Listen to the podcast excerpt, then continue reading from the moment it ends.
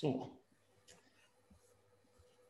Då ska jag höra dagens text som kommer från Andra Mosebok kapitel 34, vers 5-7.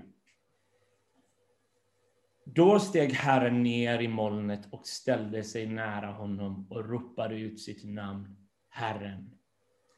Herren gick förbi Mose och ropade, jag är Herren, Herren den nådige, den barmhärtige Guden, som inte lätt blir vred men är rik på nåd och trofasthet. Han bevisar sin nåd mot tusenden, han förlåter överträdelser, skuld och synd, men låter inte den skyldige slippa straffet, utan låter straffet för fädernas skull drabba barn, barnbarn, ända ner till tredje och fjärde generationen.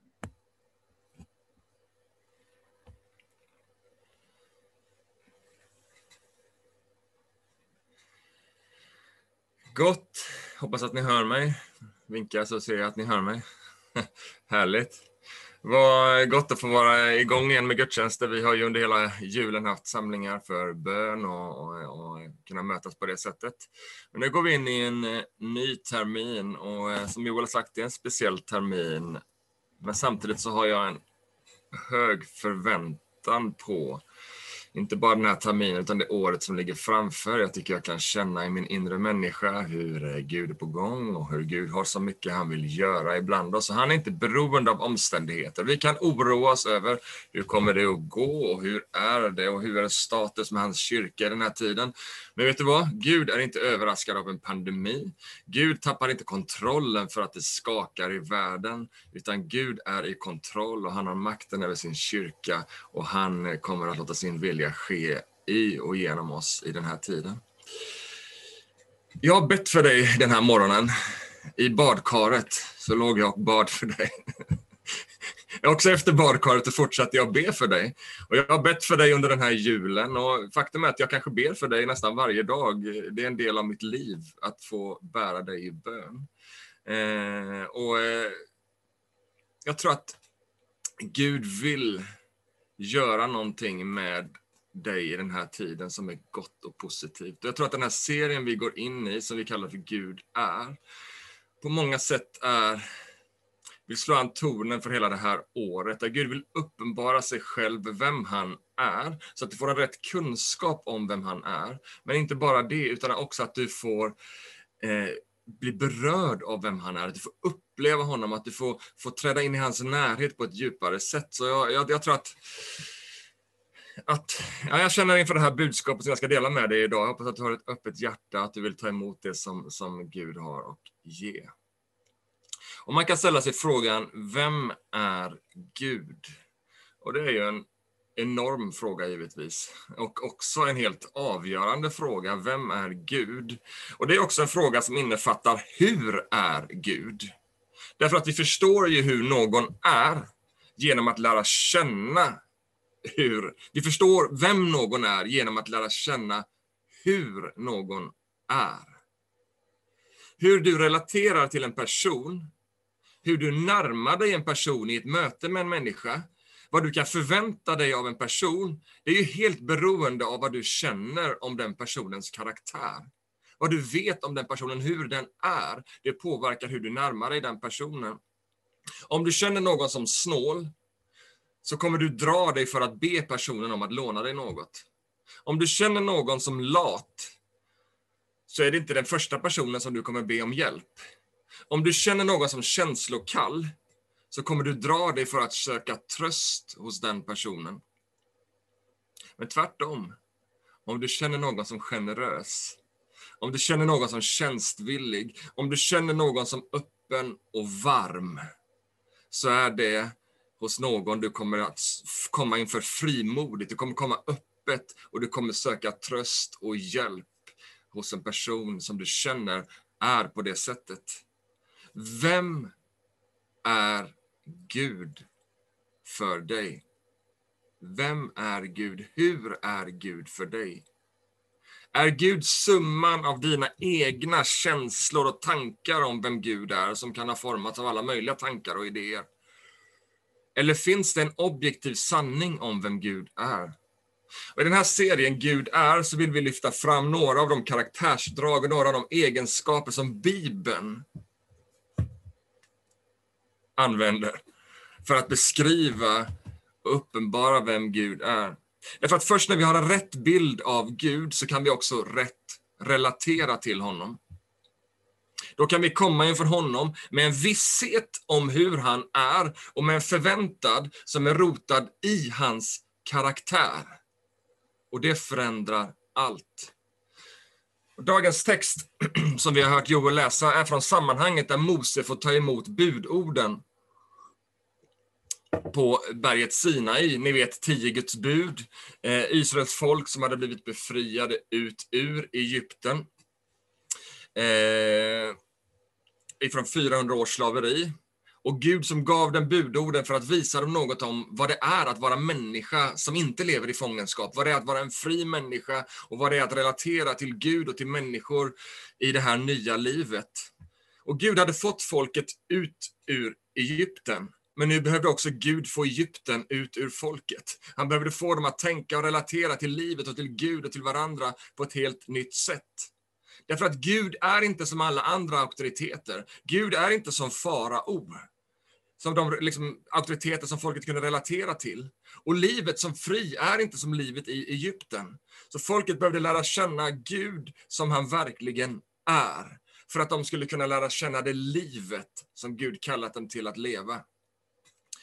Och innan vi går in och liksom talar lite specifikt om de här verserna vi har läst här idag, så vill jag bara lyfta fram ett exempel, ett par kapitel innan det vi har hört idag, ifrån Mose liv. Därför att Mose beskrivs som en man som kände Gud, och det påverkade hur han kom inför Gud. Det påverkade hans böner. Mose var frimodig. Han var frimodig när han bad böner i linje med Guds karaktär och Guds natur. Jag vet inte hur du tänker, ofta vill man ju be böner i linje med Guds vilja och det är ju bra och sunt. Men det finns ett litet problem med det och det är att det inte alltid är så lätt att veta Guds vilja om allt. Men vi, du och jag, kan lära känna Guds uppenbarade karaktär och då kan vi likt Mose be böner som är i linje med Guds karaktär och med Guds uppenbarade natur. Och i det så kommer vi också allt mer förstå hans vilja och kunna be i linje också med hans vilja. För vad du tror om Gud påverkar dina böner. Och dina böner påverkar också din relation till Gud. Och dina böner påverkar ditt bönesvar. Så du och jag behöver, eller vi bjuds faktiskt att lära känna Gud så att vi kan be linje, böner i linje med vem han är. Och Mose han var nu uppe på berget för att umgås med Gud och för att ta emot instruktioner från Gud till folket. Guds folk de hade befriats från Egypten, de var på väg med riktning mot löfteslandet. Men så fort de glömde vad Gud hade gjort i deras liv. Och det är lite så tror jag med dig och mig också. Så snabbt vi hittar bortförklaringar för våra gudsmöten, för våra upplevelser, för våra bönesvar. Alltså i stunden kan det vara wow, Gud är här, Gud har gjort någonting. Så går det några veckor, vi börjar relatera till det på ett mänskligt sätt och så hittar vi bortförklaringar till det Gud har gjort i våra liv och vi monterar ner det som faktiskt var något av Gud i våra liv. Vi tappar fokus och det leder också till att vi tappar passionen för Jesus. Vi tappar hängivenhet och fokus i vår tillbedjan förflyttas. Det hände med Israels folk gång på gång och det hände här just nu, när Mose var uppe på berget. Han var 40 dygn i Herrens närvaro. Och det fattar jag, att han ville vara där i 40 dygn. Han ville inte komma ner, det var ju gott att vara där. Men folket där nere, de började tappa tålamodet. De började liksom bara, vad är det som händer? De kanske trodde han hade dött där uppe, eller liksom, kommer han någonsin komma ner igen? och de tappade riktning för sin tillbedjan. De glömde bort vad Gud hade gjort när han hade befriat dem. Och, men där någonstans så fanns ändå en längtan efter att tillbe något. Så de bad Aron, Mose medhjälpare, att göra dem en avgud. Smält ner en guldkalv, tillverka åt oss en guldkalv som kan vara i centrum för våran tillbedjan. Och det säger oss också någonting om människan. Människan är tillbedjande varelse, skapare att tillbe. Vi vill ha någonting att hänga upp våra liv kring, någonting att tillbe. Så Mose gör den här äh, guld, eller Aron gör den här guldkalven. Och när Mose kommer ner från berget så möter han ett folk vilse i sin jakt efter mening, efter tilltro och efter riktning för deras tillbedjan. Ett folk som hade övergett den som en gång hade befriat dem. De hade inte bara övergett Moses, de hade övergivit Gud själv. Men här möter vi Mose. Och Gud samarbetar med Mose och Mose samarbetar med Gud. Det här läget när folket håller på att förlora sig själva, när folket håller på att bli offer för sin egen synd. Då beskrivs det hur Mose ställer sig i gapet för sitt folk.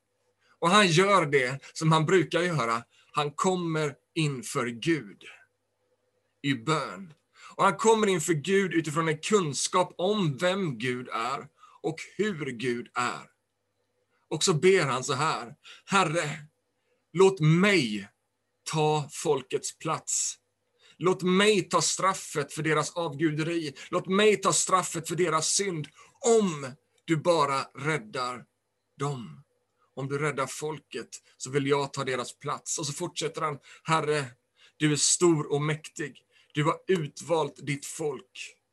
Håll dina löften och visa nåd. Nu parafraserar jag lite, men det var liksom bönen som Mose ber.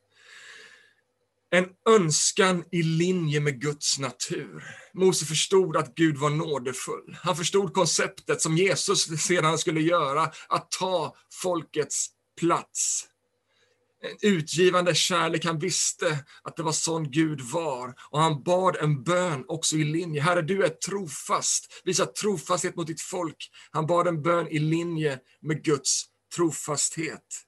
Mose vädjar till Gud utifrån en förståelse av Guds uppenbarade karaktär. Och Gud svarar Mose efter vad han begär. Och han ger Israels folk någonting de inte förtjänar. Han ger dem ännu en ny chans. Och här kommer vi in i dagens text. En text som Joel har läst, en underbar text där Mose får ett fantastiskt gudsmöte och han får lära känna Gud än mer på djupet. Och Det är ett möte med Gud som börjar i Mose längtan att leva nära Gud och att lära känna honom djupare. Han kände sin Gud, men han levde med en längtan att lära känna honom djupare. Han levde i bön, vi förstår det när vi läser texten, han levde i bön, inte som en plikt, utan utifrån en längtan. Och Jag tror det är där det måste börja i våra liv, att bön får börja i vår längtan. Vår längtan efter Gud, vår längtan efter hans härlighet. Men Mose levde också i relation med Gud utifrån ett behov. Därför att Guds ledning var enda chansen för Mose att lyckas med det livet och det uppdrag som Gud hade kallat honom till. Och vi läser hur han regelbundet kom inför Gud och han gick till sin böneplats, in i tabernaklet, platsen för Guds närvaro. Och jag tror nog jag har några texter här som jag kan dela på skärmen om det här funkar nu då.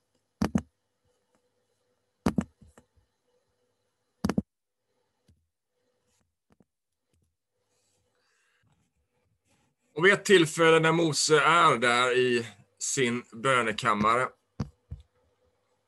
så ber han så här. Om jag nu har funnit nåd inför dina ögon. Det här är alltså efter han har bett eh, att, att liksom Gud ska rädda folket och Gud har sagt ja, det ska jag göra. Om jag nu har funnit nåd för dina ögon, Herre, så låt mig förstå dina vägar och låt mig lära känna dig. Vilken bön! Om jag nu har funnit nåd inför dina ögon, så låt mig förstå dina vägar och lära känna dig. Så att jag finner nåd inför dina ögon och tänk på att detta folk är ditt folk. Och så fortsätter Mose. Herre, låt mig få se din härlighet. Med vad Gud hade talat om i ryggen så tar Mose ansats i sin bön att än mer få lära känna Gud. Att än mer få komma in på djupet, att förstå hur Gud verkar och hur Gud fungerar. En bön som uttrycker en hunger och en längtan. Herre, låt mig få se din härlighet. Låt mig få lära känna dig. Låt mig få förstå dina vägar. Och Gud svarar Mose. Du har funnit nåd för mina ögon och jag känner dig vid namn. Jag ska låta all min godhet gå förbi framför dig och jag ska ropa ut namnet Herren inför dig. Och jag ska vara nådig mot den jag vill vara nådig mot och förbarma mig över den jag vill förbarma mig över. Men mitt ansikte kan du inte få se, för ingen människa kan se mig och leva. Sen sa Herren, se, här är en plats nära intill mig. Ställ dig där på klippan, och när min härlighet går förbi ska jag ställa dig i en klyfta i klippan, och jag ska låta min hand vara över dig tills jag har gått förbi. Sedan ska jag ta bort min hand, och då ska du få se mig på ryggen, men mitt ansikte kan ingen se. Jag känner dig vid namn. Det är liksom Guds sätt att säga till Mose, du är min vän Mose. Jag känner dig, jag vet vem du är, du är min vän. Och det underbara är att det här är en relation som du och jag, 2021, du där du sitter, det är en relation som du också är inbjuden i. Gud känner dig vid, vid namn och han kallar dig för sin vän. Jesus säger i Johannes 15, jag kallar er inte längre tjänare, eftersom tjänaren inte vet vad hans herre gör. Vänner kallar jag er, till allt vad jag har hört av min fader har jag låtit er veta. Vi har bjudit in att lära känna Gud och att relatera till honom som vår vän.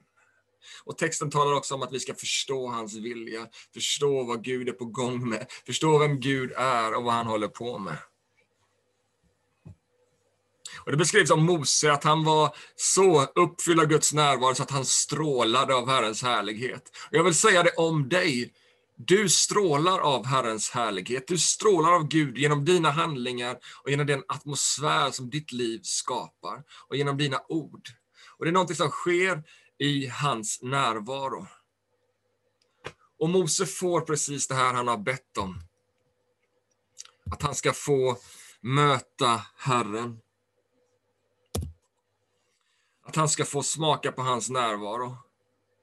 Folket de får tio Guds bud och Gud håller fienden på avstånd så Gud räddar folket. Men Mose får också det han har bett om. Då steg Herren ner i molnet och ställde sig nära honom och ropade ut sitt namn, Herren. Herren gick förbi Mose. Det är den här texten. Herren gick förbi Mose Nu tappar jag mig här i texten. Var är jag någonstans här?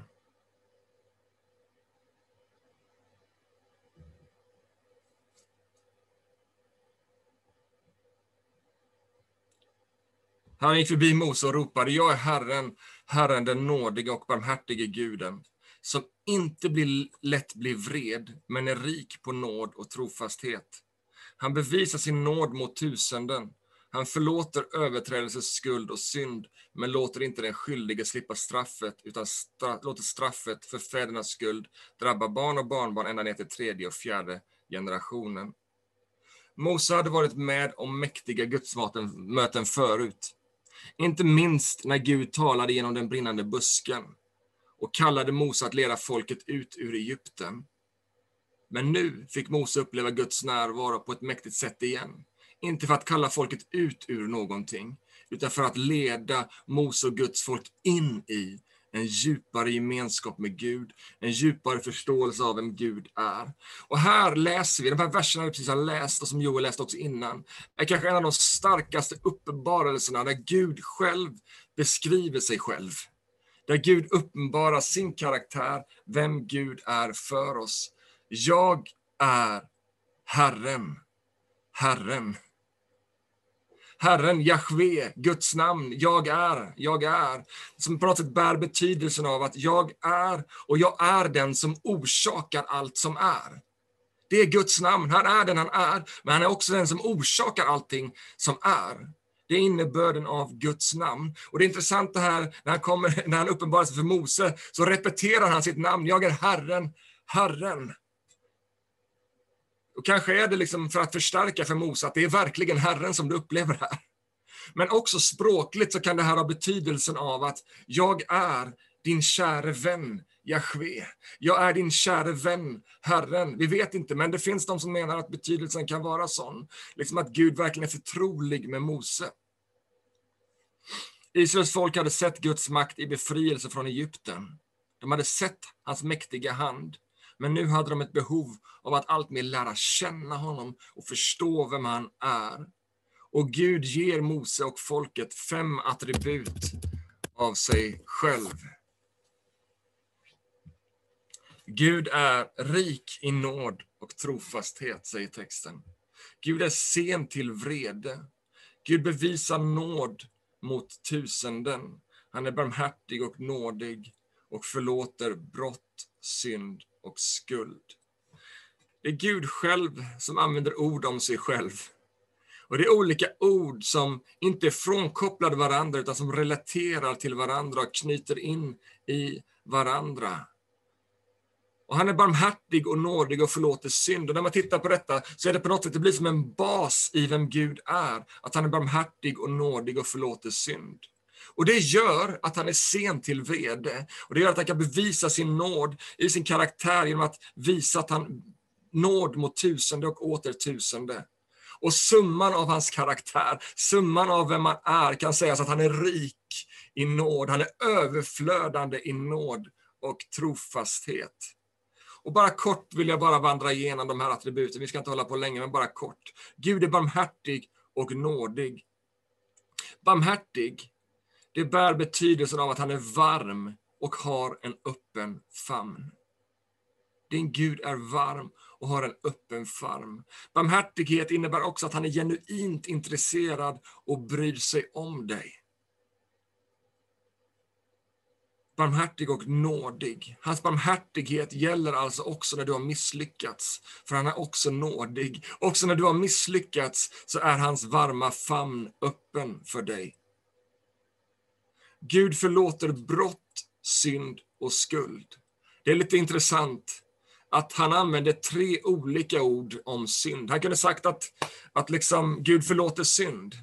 Men du vet, Gud vill inte lämna någonting åt slumpen. Han vill inte liksom lämna en möjlighet att du ska tänka att min synd kan Gud inte ta hand om. Att min synd är för stor eller för konstig. Så därför använder han tre ord, liksom det fullkomlighetens tal, för att beskriva synd. Han förlåter brott, synd och skuld. Vad än för synd du kommer inför Gud med ett hjärta av omvändelse, så förlåter han dig. Därför att han är barmhärtig och nådig, hans famn är öppen, så han förlåter din synd. Och vi kan ju liksom, vi som har Nya Testamentet, vi vet ju också att där etableras sanningen om Gud som är den som förlåter synd för var och en som tror. Och det här är häftiga med detta, det är att det här är inte bara en välgärning ifrån Guds sida. Ja, jag kom, sände Jesus och förlåter människornas synd för jag är snäll. Utan vad vi förstår här när Gud beskriver sin karaktär, så är det i Guds natur att vara förlåtande. Så när vi tar emot syndernas förlåtelse så är det ett flöde utifrån vem Gud är, utifrån hans natur, som är en nådefull natur av förlåtelse och befrielse från synd. Gud är också sen till vrede. Ja, det är sant att Gud är vred över synden. Därför att synden förminskar och den förslavar och den fördärvar människan. Och vi läser, jag vet inte om du, några av er kanske ryggade tillbaka när vi läste vers 7 i dagens text. Där läser vi att han förlåter överträdelse, skuld och synd, men han låter inte den skyldige slippa straffet, utan låter straffet för fädernas skuld drabba barn och barnbarn ända ner till tredje och fjärde generationen. Och jag vill bara också kort kommentera den texten. Och Det man kan säga kort, det är att Gud tar allvarligt på synd. Ja, han är nådefull, ja, han förlåter, men han tar allvarligt på synd. Så det är inte så att Gud inte bryr sig om vår synd. Och oomvänd synd kommer med ett straff. Om vi inte omvänder oss och tar emot Kristi nåd och förlåtelse, då är syndens lön döden, säger Romarbrevet. Men så fortsätter Romarbrevet och säger, men Guds gåva är evigt liv. Så omvänd synd, alltså synd vi har omvänt oss från, det, kan, det må ha konsekvenser i den här tiden, därför att synd ställer till det för oss. Det är inte så bara för att du blir förlåten av Gud så försvinner det du har gjort. utan det finns ju där och kan ha konsekvenser i den här tiden. Men omvänd synd är inför Gud förlåten och du får ta emot Guds gåva som evigt liv och vi blir inför Gud frikända. Så när vi lever ett liv i omvändelse och i en längtan att formas av Jesus, då är han sen till vrede. Och då välkomnar han oss in i sin nådefulla och barmhärtiga famn för omvändelse, för att möta hans kärlek, för att få kraft att ta nya tag och få ta emot förlåtelse och nåd. Men sen också kommer det här lilla stycket om att barn och barnbarn skulle straffas för fädernas synd. Bara en kort kommentar om det. Och Det kan ju låta som att vi straffas för vad någon annan har gjort. Ja, konsekvenserna av någon annans synd kan drabba oss. Men inte straffet. Och Det här tror jag vi får återkomma till i en senare undervisning, för det här har implikationer på ganska mycket. Men Bibeln är tydlig med att vi bär ansvar för våra egna handlingar, inte andras. Men vad betyder då den här texten? Jag tror att den betyder att det som var synd igår, det som var synd för min pappa, det som var synd för min pappas pappa, det som var synd för 14 generationer sedan, med mig, det är synd också idag. Du kan inte skylla på, men det här går i vår familj, det är såna här vi är. Och vi blir lätt vreda i vår familj och vi skäller ut folk, det är såna vi är. Nej, det som var synd igår, det är också synd idag. Och det finns ett straff för det om du inte omvänder dig. Så det tror jag vad den här texten talar om. Och sen fortsätter det att tala om Guds natur som att Gud bevisar nåd mot tusenden. Jag tror att det är Guds sätt att säga att hans nåd är inte begränsad, utan den är verksam mot tusen och åter tusen. Tusenden, det finns liksom ingen begränsning, utan generation efter generation så bevisar han sin nåd. Och det här ordet bevisar bär innebörden av förbund. Att Gud har slutit ett nådens förbund med sitt folk genom alla tider. Vi ska återkomma snart till det här med förbund. Gud är rik i nåd och trofasthet, summan av Guds karaktär. Det går inte att tömma Guds källor av nåd. Det, det finns inget slut på hans nåd.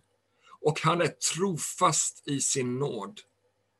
Och det här ordet trofasthet är grundordet hesed, eller hesed, och det bär betydelsen av en stark trofasthet. En sån liksom jag vet inte om det finns något starkare ord när jag läser om det här ordet. Det är som att Gud har förbundit sig själv vid att vara oss trogna, att vara oss trofasta, att vara lojal mot oss.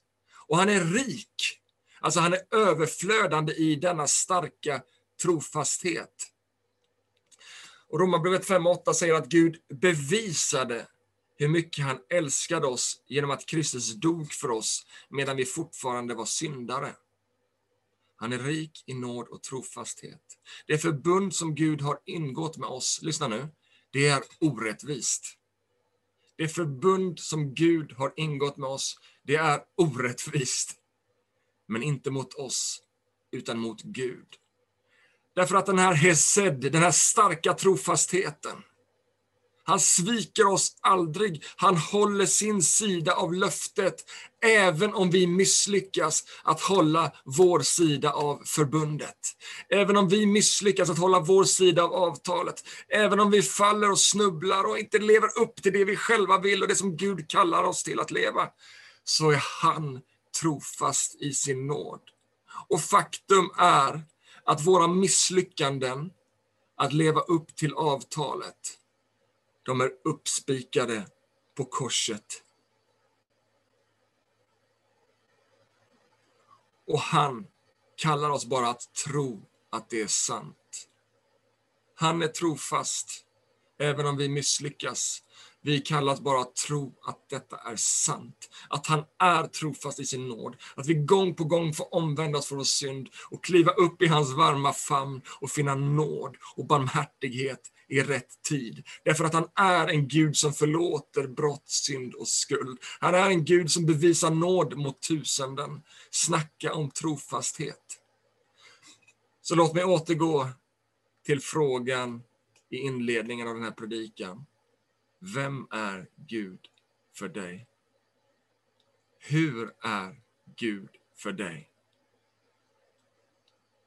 De frågorna avgör hur du relaterar till honom.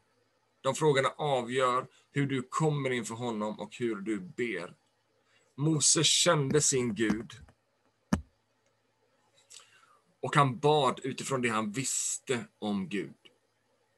Men samtidigt så levde han med en hunger efter att få lära känna honom djupare.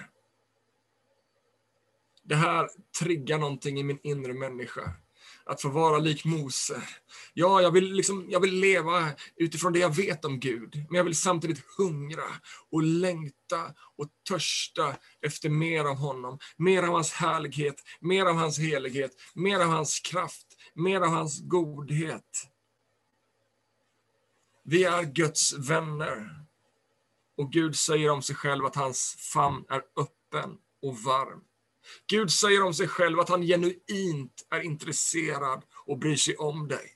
Gud säger att han inte är vred över dina misslyckanden.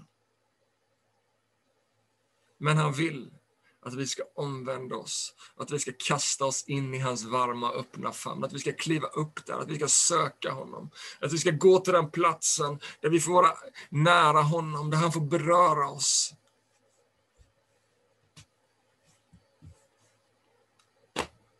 Så ta emot det som Gud säger om sig själv till dig. Han säger det till dig. Han säger det till dig. Det han sa till Mose är också sant till dig. Han är den han är. Och Jag ber att det ska låta forma dig och mig hur vi ser på Gud och hur vi relaterar till honom, så vi kommer frimodigt inför honom. Inte nöjer oss med brödsmulor, utan kasta oss, Herre, låt oss få se din härlighet, låt oss förstå dina vägar.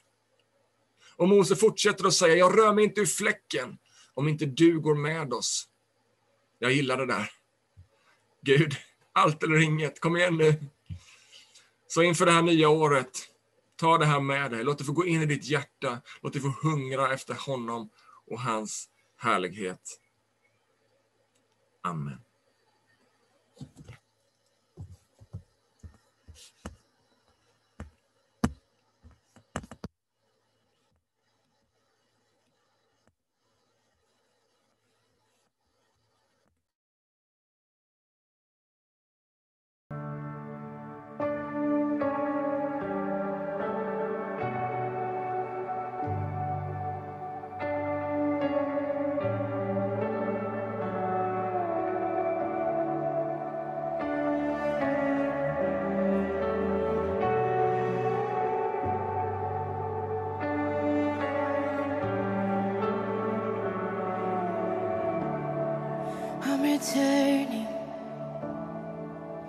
Secret place, just an altar and a flame.